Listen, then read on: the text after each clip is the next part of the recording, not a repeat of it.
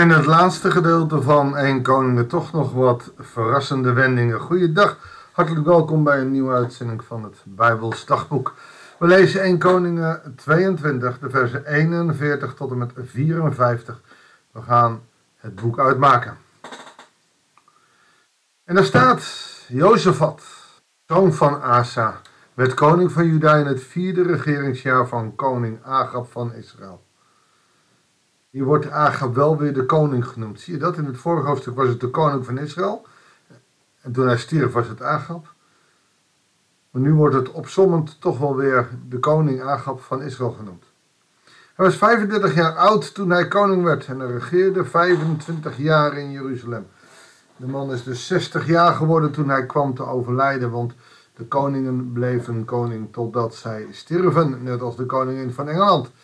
Zijn moeder was Azuba, de dochter van Silgi.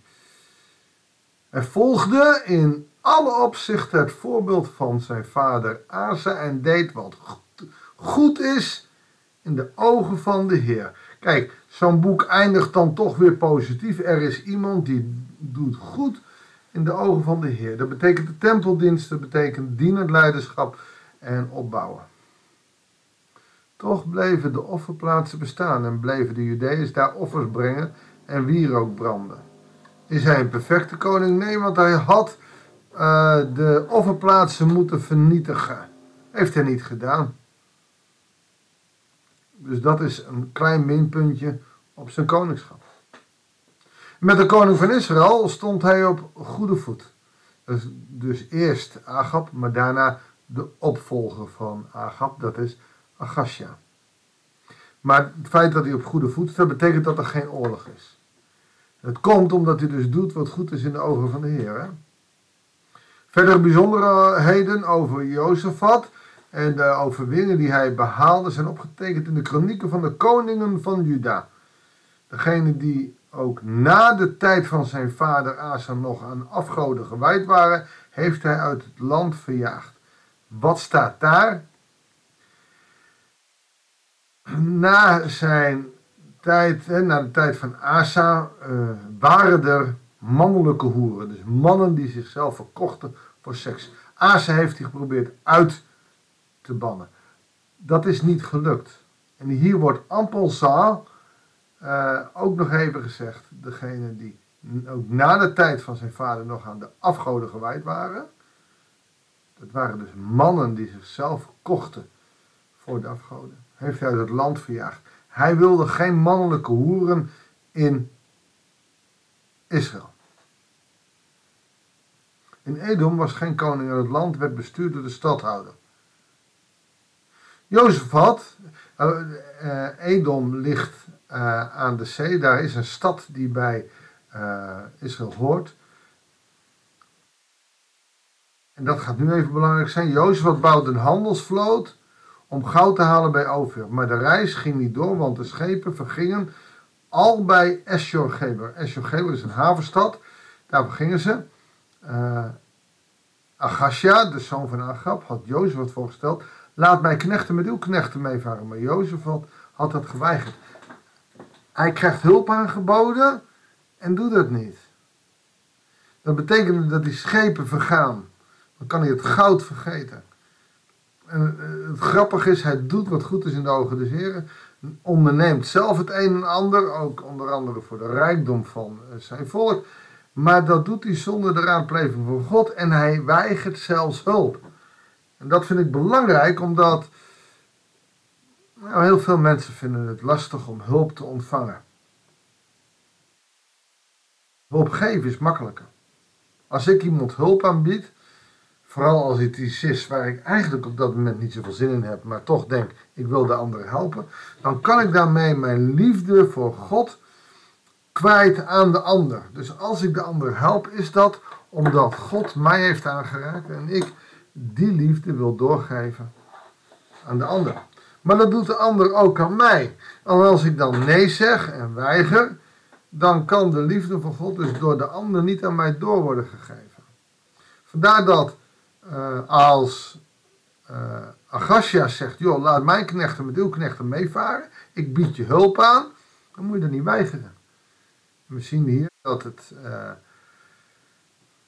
misloopt. Waarschijnlijk waren de zonen, of was Agasja, zijn knechten, waren beter met boten dan Jozefat, zijn knechten. Waarom? Jozefat woonde niet aan de zee. Dus dat ze die stad hebben, dat is omdat het een, een plaats is wat, wat veroverd is, maar niet echt eigendom is. En, en die hele bootvaart, die hele schepen, handelsvloot, is iets nieuws. Asja biedt aan. Ik zal je helpen, man. Ik heb een paar fijne kapiteins en die komen jou helpen. Nee, dat is niet nodig. Ik kan het zelf wel. Dat is dus God er niet bij betrekken en nog eens goede hulp ook laten liggen. Dat is triest. Toen Jozefat stierf, werd hij begraven bij zijn voorouders in de Davidsburg.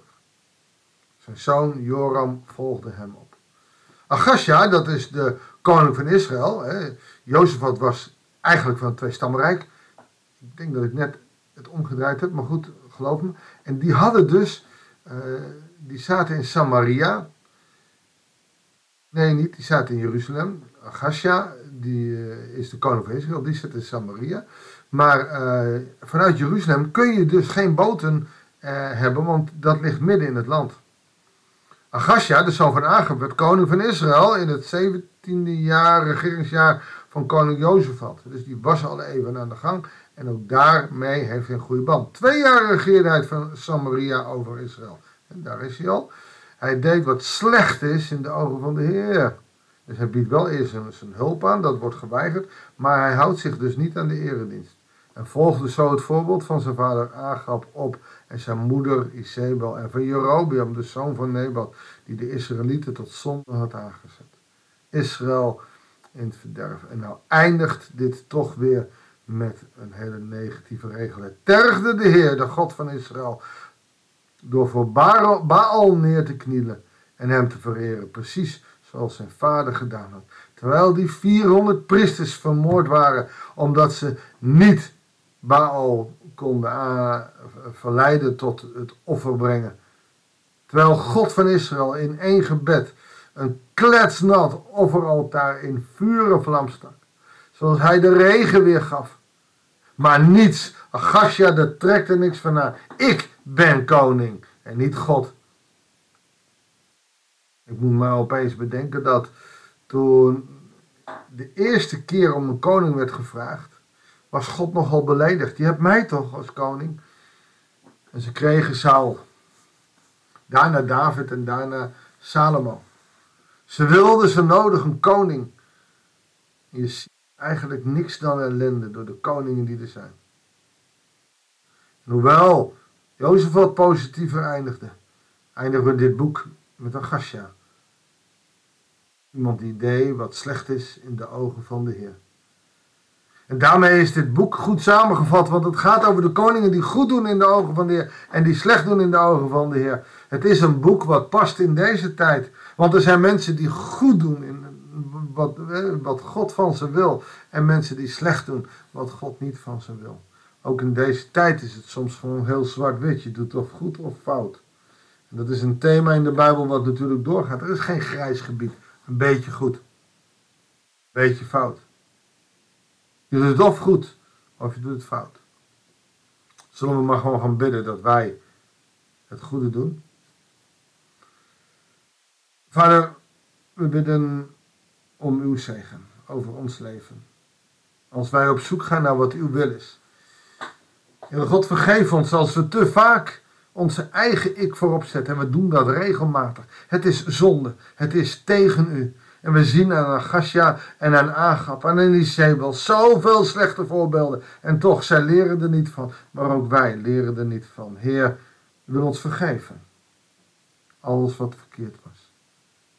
En zie ons in genade aan.